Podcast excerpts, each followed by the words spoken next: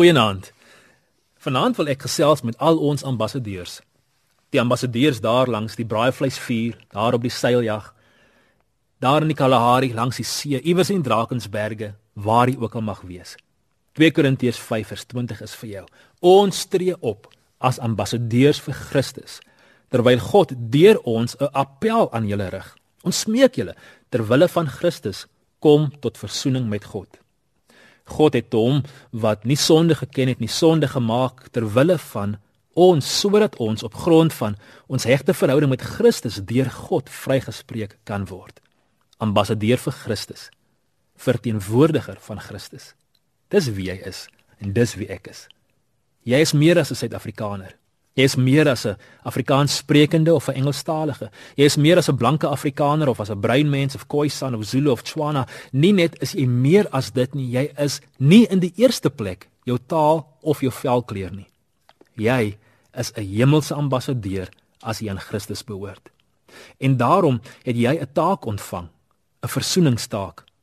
Wat jy ook al doen en waar jy jouself ook al bevind, binne of buite die mure van die kerk of van ons land. God wil deur jou en deur my 'n appel rig tot die wêreld om ons. Tot ons kollegas, ons vriende, ons familielede, ons besigheidsvennote, ons kliënte kom tot verzoening tot God. Kan hierdie 'n visie en 'n missie wees wat ons as land kan verenig? Ons praat so baie van van verzoening in ons land en ons ons smag daarna ons selfs vakansie daar wat ons probeer om dit te bewerkstellig vanuit 'n politieke platform en ons is sangers en media wat probeer om dit aan te moedig. Maar ons almal weet tensy ons harte nie eers versoen is tot God in die in die eerste plek nie bly elke ander versoeningsveld tog en poging 'n baie desperate en 'n baie tydelike en 'n baie brose een Maar wanneer ons weet dat ons deur God vrygespreek is, dan kan ons ander ook vryspreek uit daardie oorvloedige oorvloei van liefde.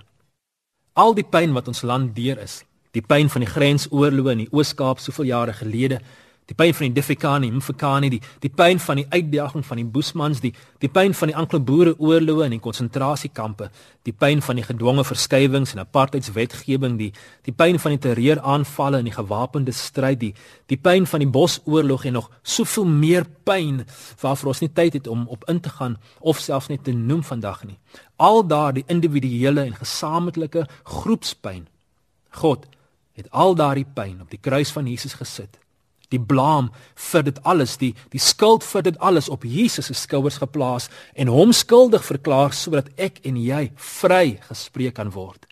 En in die gesprek met die kruis ons ander vry kan spreek met dieselfde liefde wat jou en my vrygemaak het. Totsiens.